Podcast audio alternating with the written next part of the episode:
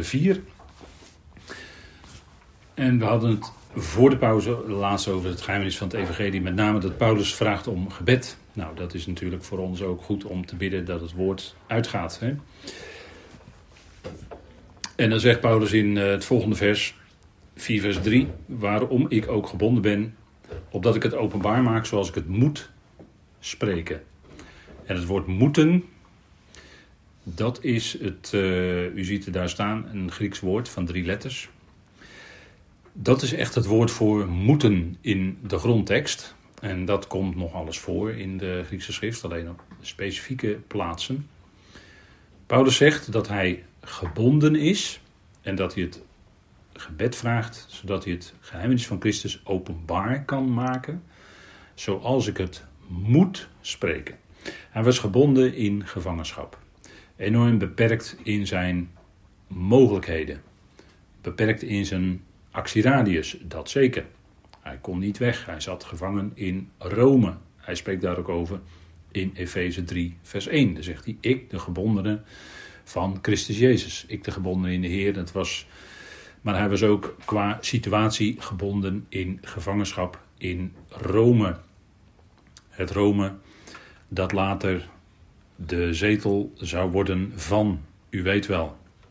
En dat uh, wellicht ook in de nabije eindtijd een grote rol gaat spelen. Alleen Rome is niet Babylon, dat zeg ik gelijk weer bij. Dat hebben we gezien ook met de studies in uh, Openbaring.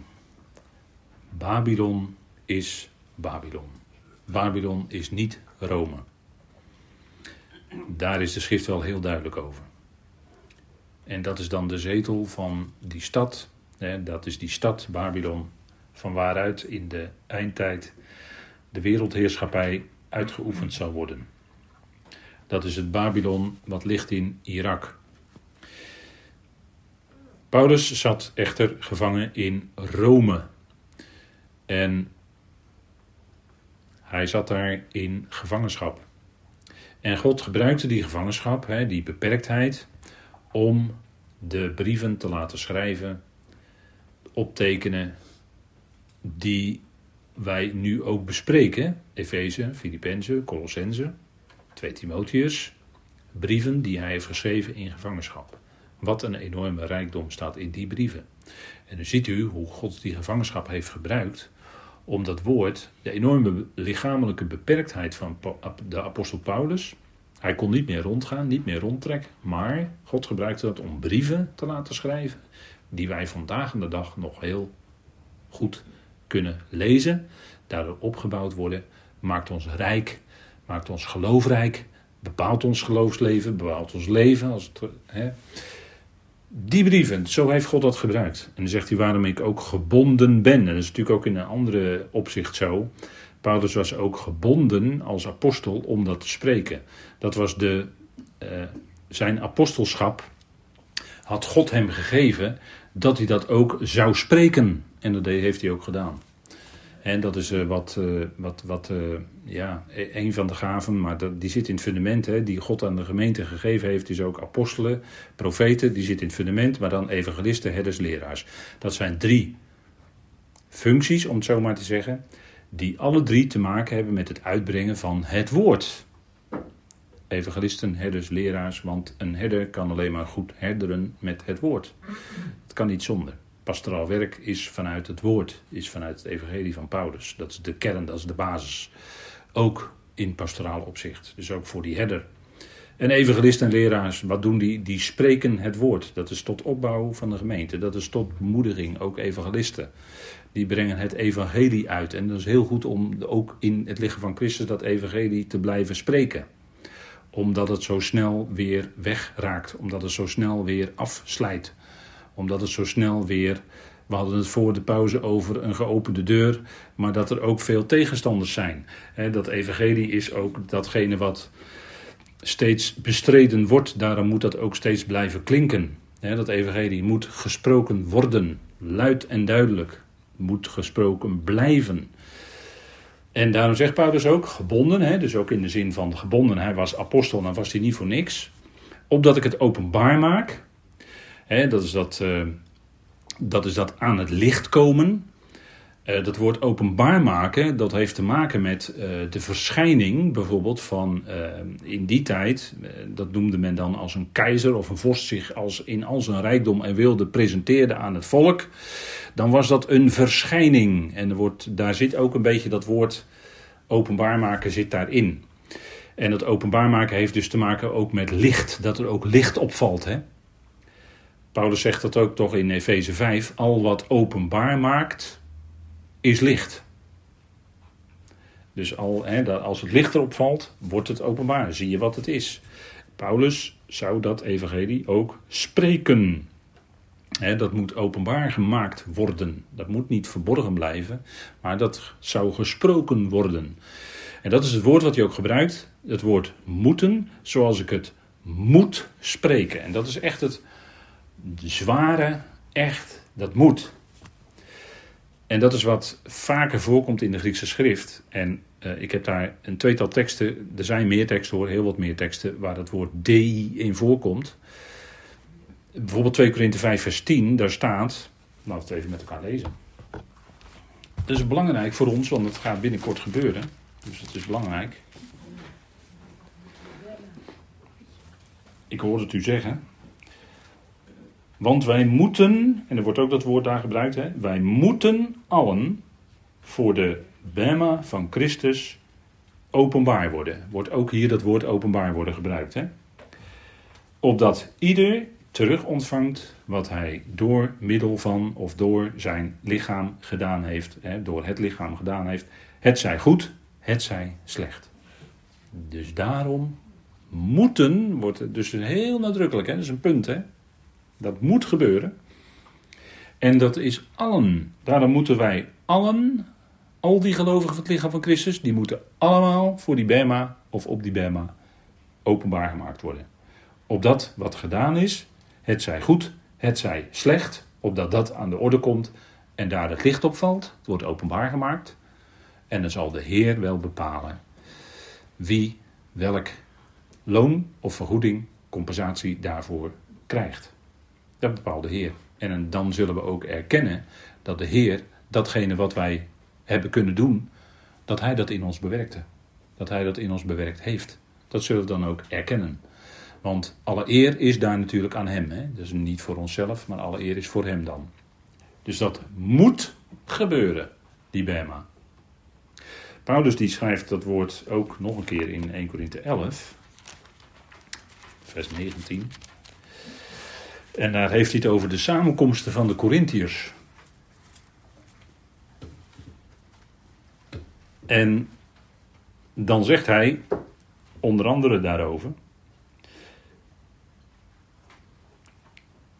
In vers 18, 1 Korinthe 11, vers 18. Want ten eerste hoor ik dat er, als jullie samenkomen in de gemeente, verdeeldheid of splitsingen onder jullie zijn. En te delen geloof ik dat. En dan zegt hij weer het woord moeten, want er moeten ook. En dan zegt mijn vertaling hier afwijkingen in de leer, maar er staat eigenlijk het woord secten. Er moeten ook secten onder jullie zijn, dus groepjes, zeg maar, hè, groepjes, groepvorming. Opdat wie beproefd blijken te zijn in jullie midden openbaar komen. Hey. Dus Paulus zegt, er moeten wel secten onder jullie zijn, opdat wie beproefd blijken te zijn in jullie midden openbaar worden. Heb je weer over het woord openbaar worden? Hè? Dat is toch wel merkwaardig. Dus als zoiets plaatsvindt, dan is dat kennelijk toch iets uiteindelijk. Het vindt plaats, dus het is kennelijk de bedoeling. Is kennelijk de bedoeling. Opdat degene die beproefd blijken te zijn, openbaar worden. En dan gaat, eh, dan gaat hij ook spreken over als jullie nu bij elkaar komen, is dat niet het eten van de maaltijd van de Heer. Dan gebruikt hij dat woord, hè? Maar dan heeft hij het over als zij samenkwamen, en dat noemen we dan altijd de zogenaamde agape-maaltijden. Dan kwamen ze samen en dan hielden ze ook maaltijd. Heel gebruikelijk in het Midden-Oosten. Grote tafel van alles erop en eraan. En dan kwam men samen, kennelijk. En dat is eh, bij ons is dat minder gebruikelijk, maar toen de tijd was het heel gebruikelijk. En dan gaat Paulus ze aanspreken op de manier waarop zij samenkwamen. En dan zegt u ja. En dan zegt hij ja, dat is niet de maaltijd van de Heer. En dan bedoelt hij de manier waarop de Heer die maaltijd hield met zijn discipelen. Dat is het punt, hè? En eh, als je dit stukje verder leest, we zijn het altijd gewend om te lezen op een bepaalde manier. Uh, maar als je dit stukje goed leest, geeft Paulus hier geen opdracht om een bepaalde specifieke maaltijd als een soort ritueel te houden. Dat doet hij niet, hij geeft geen opdracht hier. Maar hij zegt alleen dat die Corinthiërs die maaltijd op een bepaalde manier gebruikten. En dat hij wijst op de gezindheid waarmee de Heer die laatste maaltijd met zijn discipelen in die opperzaal hield. Daar heeft hij het over. En als mensen samenkomen met elkaar en uh, in symboliek herdenken de dood van de Heer, is dat natuurlijk prima. Prima te doen. Maar besef dat het ook dat geen verplichting is voor het lichaam van Christus. Het is, iets niet, het is niet iets wat wij moeten doen. Maar het is iets wat je kunt doen als je dat wil om de dood van de Heer te gedenken. Dat kun je doen. Dat is geen, geen verplichting. Dat is, uh, denk ik. Maar bij de Corinthiërs ging het, het punt waar het om ging bij de Corinthiërs was. Er waren groepjes onder hen, er waren secten, opdat de beproefden zouden blijken. Degenen die beproefd zijn. Dus dat had wel toch zo een functie. Hè? Want uh, juist uh, in kerkelijke en gemeentelijke conflict situaties. dan blijken er ook bepaalde dingen. En dan blijken mensen ook bepaalde houding aan te nemen, bepaalde standpunten of lopen weg of wat dan ook. Goed, dat is allemaal aan de orde. Paulus in ieder geval moest dit spreken. Om even terug te gaan naar Colossensen. Paulus moest dit spreken. En dan zegt hij verder in Colossense 4, vers 5: Wandelt in wijsheid ten opzichte van de buitenstaanders, de era uitkopend. En ik heb hier op deze slide de paralleltekst uit Efeze bijgezet, waarin hij nagenoeg hetzelfde zegt.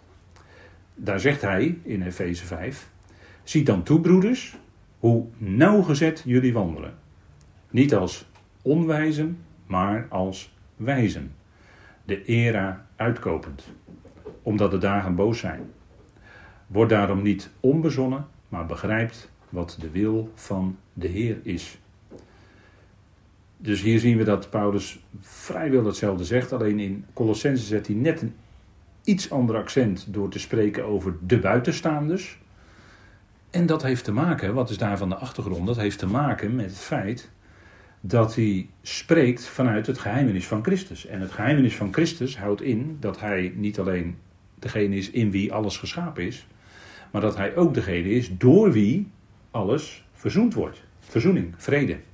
Hij is de Degene die vrede maakt. Maar dat is dus heel breed, dat is voor iedereen. Dat is onze houding als verzoenden, als mensen die die vrede kennen, die vrede in het hart hebben, vrede met God hebben.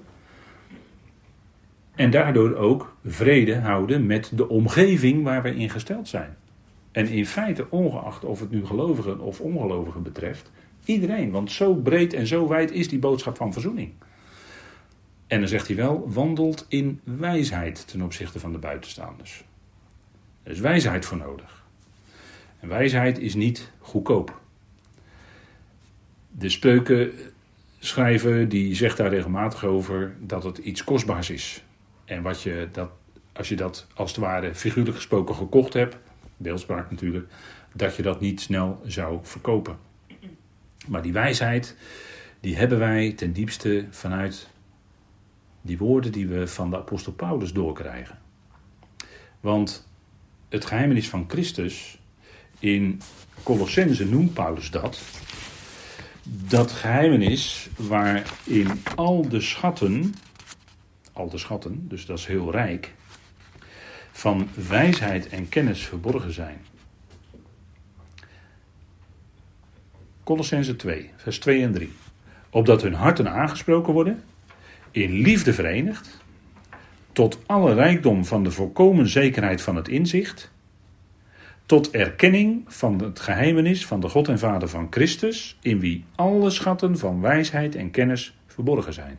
Dus die diepste wijsheid, die nemen we mee of die ontvangen wij in feite vanuit dat geheimenis, hè? vanuit dat geheimenis van Christus. Daar zitten alle schatten van wijsheid en kennis verborgen. Dat zijn de ware. Wijsheid en kennis, geestelijke wijsheid, geestelijke kennis is nodig om te kunnen leven, om te kunnen wandelen. Wandelt in wijsheid. De wijsheid heeft te maken met vastheid. Wijsheid heeft te maken dat je de dingen die je uh, hebt ontvangen, geestelijke waarheden om het zo maar te zeggen, vanuit het evangelie van de apostel Paulus, dat je de bekwaamheid hebt om dat ook daadwerkelijk in je leven te kunnen toepassen en te zien uitwerken. Wijsheid. Wijsheid heeft ook te maken vanuit, uh, als je zegt tenag, wijsheid heeft ook te maken met een stuk vastheid. Wijsheid is blijven bij wat jou geleerd en overgeleverd is. Dat is wijsheid.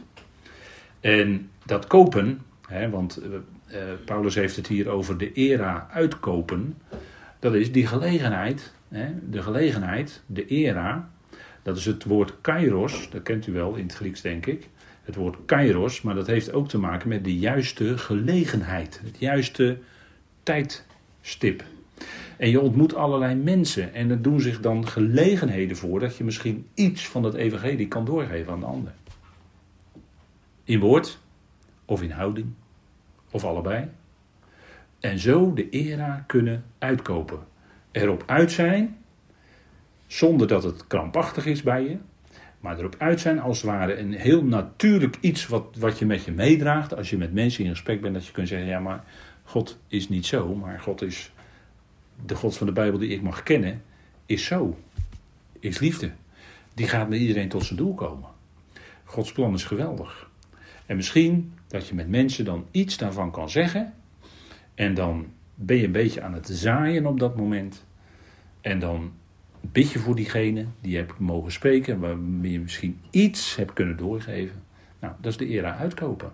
Je gaat naar de markt. Hè, ik heb vorige keer dat woord ook genoemd. Hè. Het, dat uitkopen heeft te maken met het woord markt. U ziet het ook hier op het plaatje staan, dat is de plattegrond van Athene. Paulus kwam op bijgelegenheid in Athene, weet u wel, handelingen 17. En wat deed hij toen? De era uitkopen. Hij zag het de sokkel voor de onbekende God. En hij predikte de God die hij had leren kennen. Dat is de, dat is de era uitkopen. En toen hij over de opstanding sprak, gingen ze de meesten bij hem weg. Dat wel natuurlijk, want toen sprak hij de waarheid over de opstanding. En ja, toen liepen er veel weg, maar er bleven toch enkele hangen. En daar ging het om. Paulus kocht op dat moment die tijd uit. U ziet daar het woord agora, vlakbij uh, de tempel van Hepastus, als ik het goed lees. Daar moet je dus niet zijn. En daaronder ziet u de tempel van Dionysius, daar moet je dus ook niet zijn. Maar Agora, de markt. Hij was op de Areopagus, dat is eigenlijk Mars Hill, hè, de heuvel van Mars, van de oorlogsgod Mars. Maar daar sprak Paulus en hij zag die sokkel voor die onbekende God. En die God ging hij prediken aan de Atheners. En uh, ja, het woord Athene op zich is al aardig, want dat is natuurlijk de bakermat van de Griekse filosofie en wijsheid. Maar Athene wil zeggen dat het geen vaste plaats heeft. En dat, is ook, dat geldt voor alle filosofie. Dat is niet vast, hè? Dat is altijd uh, vloeibaar, zeg maar. Dat vloeit altijd weer weg. Want het, heeft geen, het beklijft niet. Het is niet echte wijsheid. De echte wijsheid van God is de wijsheid die blijft, die blijvend is, die je in je leven en in je hart doorgeeft, die je in je leven zich uitwerkt. En dan leer je ook in wijsheid om te gaan met de buitenstaanders. Hè? Wat een, uh, dan zegt u ja, dat is een vervelend woord, maar dat zijn de ongelovigen. Dat zijn degenen die buiten, nog buiten het evangelie staan. Die nog niet weten wie God is. Buitenstaanders. De era uitkopend. Kijk, je gaat op de markt om allerlei koopjes te doen. Je moet daarvoor betalen. Liefst met veel korting. Eh, een, een, eh, stukje kaas van een paar kilo, 5 euro goedkoper is op de markt leuk. dat betaal je in de supermarkten niet voor. Dat is op de markt altijd goedkoper. Dus je bent op de markt om dingetjes te kunnen uitkopen. Paulus heeft het hier over de era uitkopen. Dus de juiste gelegenheid. Doet de juiste gelegenheid zich voor? Bid om wijsheid. God geeft dan die momenten dat je misschien iets kan zeggen, zoals Paulus dat deed, van die onbekende God. En in die toespraak in Handelingen 17 zei hij geweldige dingen over God. Geweldig. God zo groot is. Hij zegt, in hem leven wij, bewegen wij ons en zijn wij. Zo groot is die God. En hij predikte de Christus. Hij predikte de opstanding uit de doden. Paulus kocht op dat moment, een geweldig moment was dat. En God heeft het laten optekenen. Uitkopen. De tijd uitkopen. En ik ben ervan overtuigd dat de tijd tot aan de bazuin nog maar kort is. Laten we die tijd uitkopen. En kijk, en het evangelie is gratis. Hè? De, uh, de genade is om niet. En um, je kunt ook kopen zonder dat je iets betaalt. Hè? Dat zegt Jezaja toch? Koopt zonder prijs. Koopt zonder prijs. En dan gaat het over het woord. Jezaja 55, leest u dan maar eens na. Koopt zonder prijs. Figuurlijk gesproken wijn en melk uit het woord. Dus je kunt wel degelijk iets kopen zonder dat je ervoor betaalt. Dat is de evangelie. En uh, als je dat hebt gekocht, dan moet je dat niet verspelen, want dat zou niet wijs zijn hè, als je de spreuken schrijven erop naslaat. Dat is niet wijs. Nee, dat moet je niet kopen. Bewaar die wijsheid, hou die wijsheid vast. En dat is wat God doet in ons leven. Wandelt in wijsheid. En dan zegt hij in uh, Efeze, ziet dan toe broeders, hoe nauwgezet jullie wandelen. Niet als onwijzen, maar als wijzen de era uitkopen. Dus daar zegt hij het ook. Hè omdat de dagen boos zijn. Moet ik vandaag aan de dag tegen u zeggen dat de dagen boos zijn? Dat hoef ik toch niet te zeggen, hè? Vandaag de dag. Hè? Nou, ik denk dat het als het toen al zo was, en Paulus heeft het over in Timotheus over hoe de mensen zijn in de laatste dagen. En we leven nu in het laatste van de laatste dagen, als u het mij vraagt, als het gaat om de gemeente. De dagen zijn boos. We leven in de, dicht bij de culminering van de boze eon. Waarin binnenkort dat antichristelijke wereldrijk opgericht wordt. Waarin niemand zal kunnen kopen of verkopen tenzij die het teken of het merkteken van het beest of het beeld van het beest hè, moet hij aanbidden. Maar het merkteken van het beest op de rechterhand of de voorhoofd hebben. Dat zegt openbaring 13. Dat staat geschreven, dat gaat gebeuren. Binnenkort. Als u het mij vraagt. De dagen zijn boos. En laten we dan nog die tijd die ons resteert, die korte, korte tijd. En daar spreekt Jacobus ook over. Maar ik denk dat Paulus ook dat zegt in 1 Korinthe 7. Broeders, de tijd is kort. Laten we die tijd uitkopen. Als de gelegenheid zich voordoet. Kun je iets doorgeven. En we hebben geweldig materiaal wat u zo door kan geven. Hè, hoe dat zit, dat is fantastisch hoor. Dat, je, dat klinkt altijd heel aanmatigend voor buitenstaanders. Hè? Dat we door dat woord van God die waarheid hebben mogen leren kennen. De waarheid. Dat klinkt natuurlijk heel aanmatigend.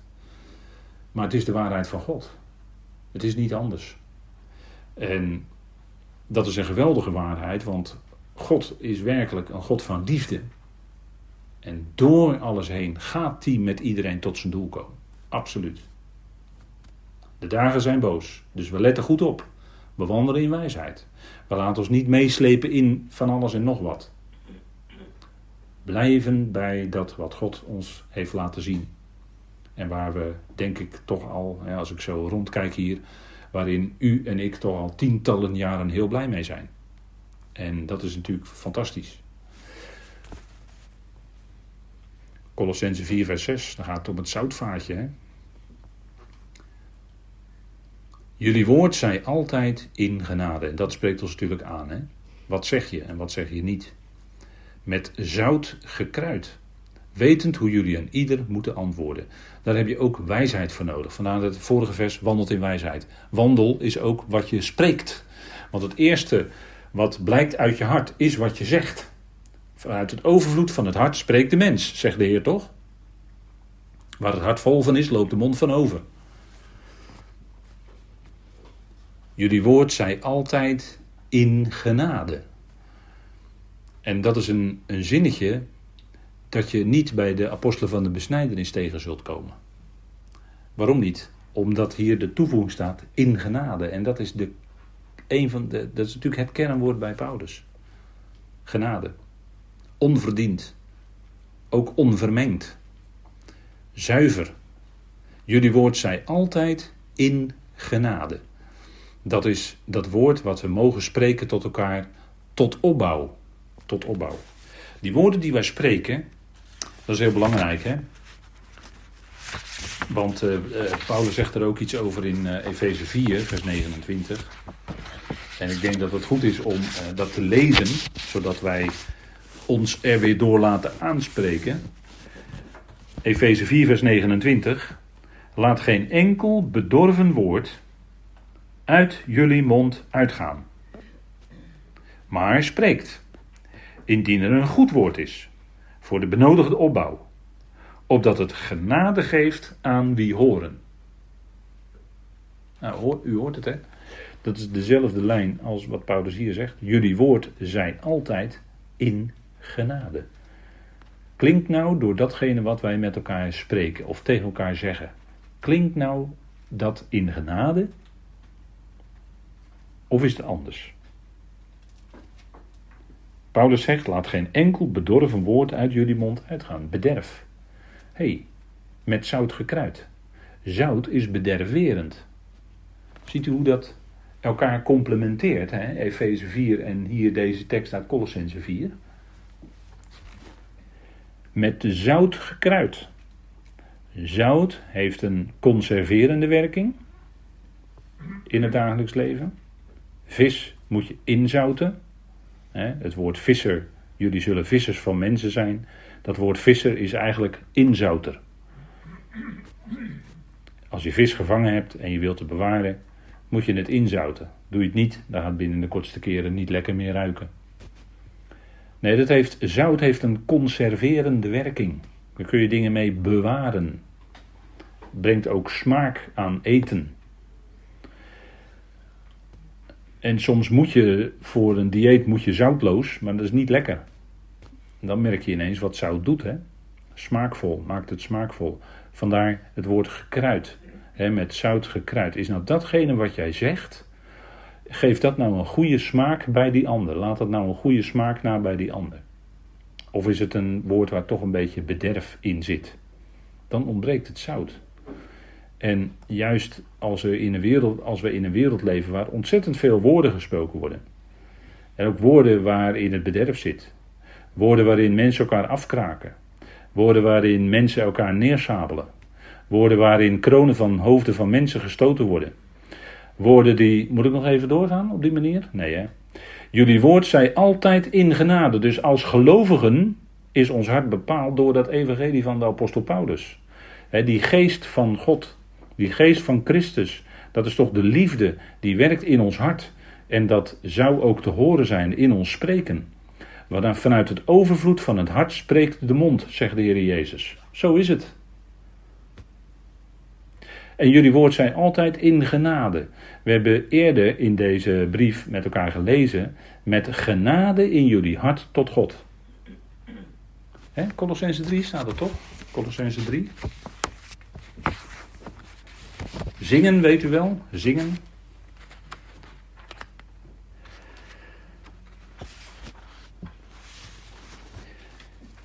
Vers 16. Laat het woord van Christus rijkelijk in jullie inwonen. In alle wijsheid jezelf onderwijzend en vermanend, psalmen, lofzangen en geestelijke liederen zingend met dankbaarheid of met genade in jullie hart tot God. Dat is het punt, hè? Wat laat je nou in je hart komen? Dat woord van Christus? Rijkelijk, hè? Paulus zegt rijkelijk zelfs, dat woord van Christus. Ja, ja,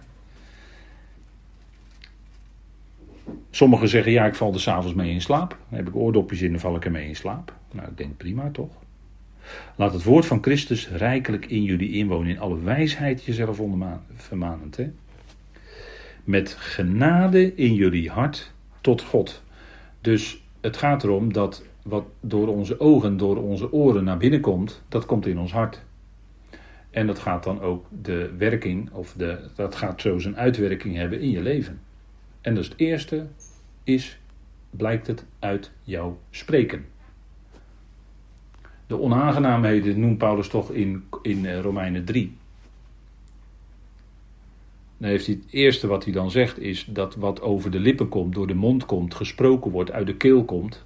Dat dat bij de natuurlijke mens of de ongelovige mens, hoe moet ik het zeggen?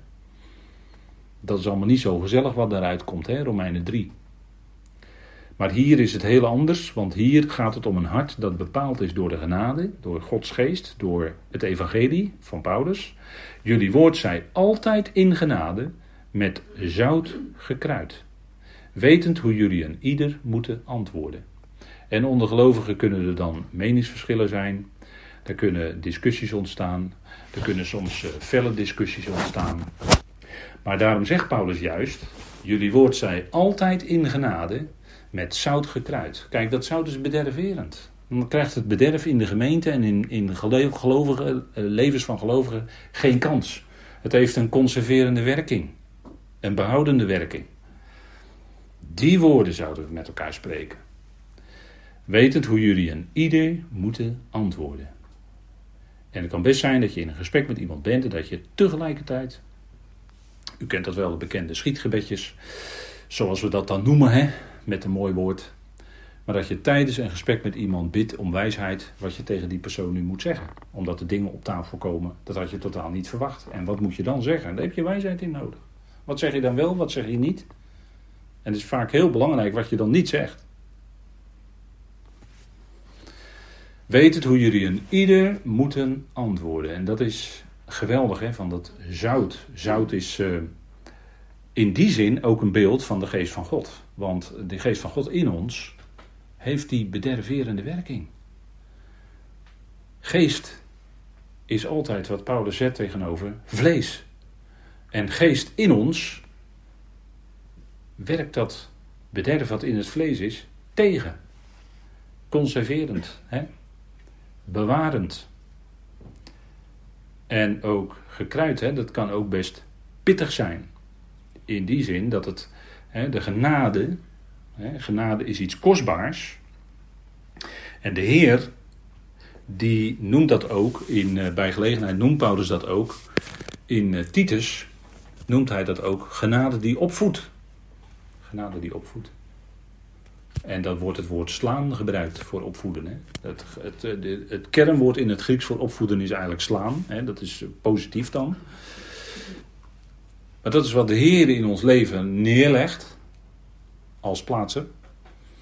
En dat kan, ja, dat heeft een opvoedende werking. Dat is de Heer die, die ons zet in de school van zijn genade. En dat is opdat dat ook, dat zet hij in, die opvoedende genade, om het zo maar te zeggen. Paulus had ook een doorn in zijn vlees. Dat zet hij in en dat werkt dan bederfwerend juist. Want daardoor worden we door de Heer opgevoed. dat is het, eh, het opvoeden wat de Heer doet. Dat doet hij met zonen, zegt Hebreeën 12 toch? De Heer voedt zonen op. Nou, als je dan die opvoedende genade ondervindt in je leven, het lijden, de verdrukkingen, dan is de Heer bezig ons op te voeden in die weg van genade met ons. En dan, en dan kun je ook gaan zien dat juist verdrukkingen en lijden, dat het in jouw leven genade is. Dat is heel wonderlijk, hè? Mijn genade is je genoeg, zei de Heer toch tegen de apostel Paulus. Mijn genade is je genoeg. En dat heeft alles te maken met dat zout, met dat bederverende in ons leven. En uh, kijk, die, die, die uh, spreuk hier op de, op de slide uit de spreuken 15. Hè, kalme woorden zijn een levensboom. En een valse tong vernietigt de geest. Ja, dat, is, dat is raak gezegd, hè. Maar uh, goede woorden tot opbouw, die bemoedigen een ander, die brengen anderen verder. En woorden die vals zijn, die vernietigen juist. Die breken af. Daarom is het zo ontzettend belangrijk, hè, want we zeggen in een dag zeggen we veel woorden. En laat dat zo zijn. Hè. Laat ons gebed is denk ik, hè, uw, uw gebed is er denk ik ook wel op gericht. Dat de woorden die wij mogen spreken, dat die voor de ander tot opbouw zijn. Dat die voor de ander bemoedigend zijn. Dat die voor de ander vreugdevol kunnen zijn. Met zout gekruid. Daar zit dat bederverende in, hè. Wat God doet. En ieder zodat we een ieder kunnen antwoorden, zodat we ieder kunnen zeggen wat goed is. Goed, ik wilde hiermee afsluiten. Zullen we de Heer danken. Vader, we danken u dat we ook vanavond weer stil konden staan bij een gedeelte uit Colossense, een belangrijk gedeelte voor ons dagelijks leven. Hoe die verzoening en die vrede uitwerkt in ons hart en in ons leven. Dat het zichtbaar is. Vader, mogen de tijd uitkopen. De dagen zijn boos. Vader, dank u wel dat u ons bepaalt bij hoe uw woorden, uw woorden die geest en leven zijn. Dat die woorden zo in ons uitwerken, in ons hart. Dat we vervolgens dat wat we tegen anderen zeggen ook opbouwend zijn, bemoedigend. Met zout in genade. Vader mag dat het zijn.